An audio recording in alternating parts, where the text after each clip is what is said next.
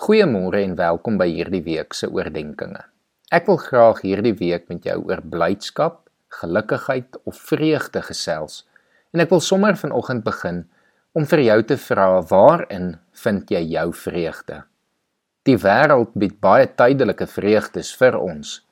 As die Springbokke byvoorbeeld wen, is ons bly. As dit naweek is, is ons bly.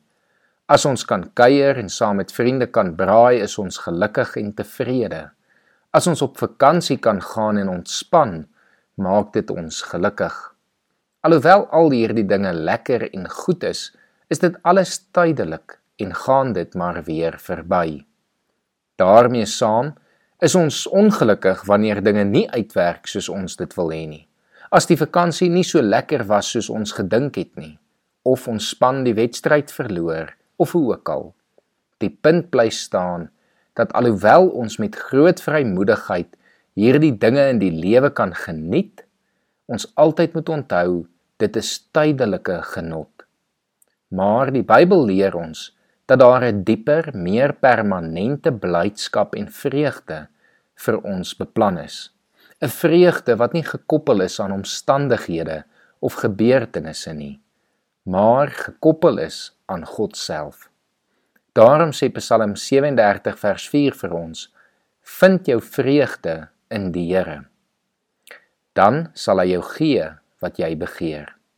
Hierdie is nie 'n resep om te kry wat jy wil hê nie.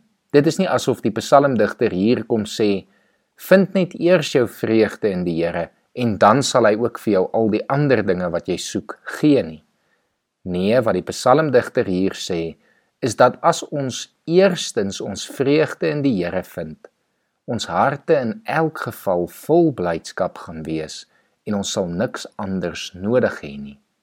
In Filippense herhaal hierdie gedagte wanneer Paulus in hoofstuk 4 vers 4 skryf en sê: Verbly julle altyd in die Here. Ek herhaal, verbly julle. Die vraag is natuurlik nou net, maar hoe doen ons dit? Ek is oortuig daarvan dat jy vreugde in die Here sal vind wanneer jy tyd met hom spandeer. Wanneer jy sy woord lees, nadink oor wie God is en alles wat hy doen. Ek is oortuig jy sal vreugde in die Here vind wanneer jy hom aanbid, hom loof en hom prys en tot hom bid. Daarom moedig ek jou vanoggend aan om hierdie week tyd te maak vir die Here sodat jy opnuut sy heiligheid en sy liefde kan ervaar en daarmee saam dan vreugde in die Here kan vind. Kom ons bid saam. Here, dankie vir u uitnodiging tot vreugde, tot blydskap. Here, dankie dat u vir ons in die woord beveel om ons vreugde ook by u te kom vind. Here, want ons weet vandag dat dit net u is wat vir ons ware vreugde, permanente blydskap, rustigheid en tevredenheid kan gee.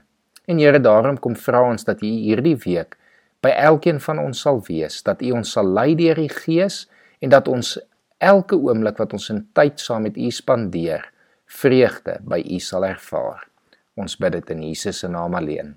Amen.